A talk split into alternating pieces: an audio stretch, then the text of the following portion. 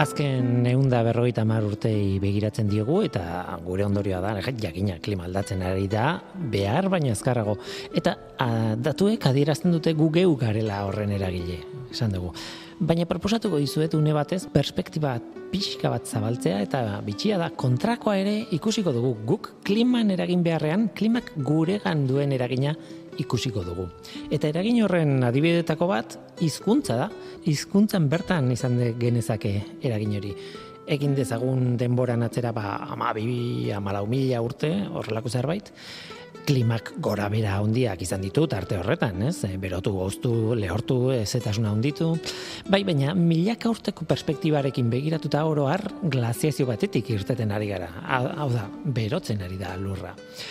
Eta ez da bakarrik temperatura bat edo beste izatearen kontua. Gaur egun Euskal Herria ditzen dugun lurraldean, adibidez, esan daiteke duela ama mila urte, bi urtaro besterik etzegoela.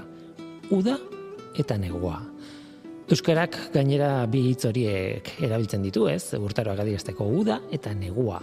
Baina denborarekin negua geroz eta laburragoa egintzen, klima epeltzen ari zelako eta bi urtaroen arteko trantsizioak luzatu egin ziren. Miguel Laburu historialariak de Mare Baskonum liburuan idatzi zuen garaiko euskaldunek horregatik bi urtaro gehiago adierazteko terminoak asmatu zituztela. Uda baino lehen zen izaten zen garai epelago horri uda berria deitu zioten eta uda bukatzeko garaiari berriz uda azkena Azalpen polita da, ez? Aitortu behar dut ordea, hizkuntzalariekin hitz eginda ere, ez dudala lortu udaberri eta udazken hitzen etimologia benetan hori den, ala ez, bai estatzea. Ez dakit laburuk kontatzen duena zehatza, zehatz, zehatza den, ala ez. Baina zentzuzko azalpena da, polita da, eta zuzena bada, ba, adibide polita da, klima aldaketak batek hizkuntzari euskarari kasu honetan eragin diola azaltzeko.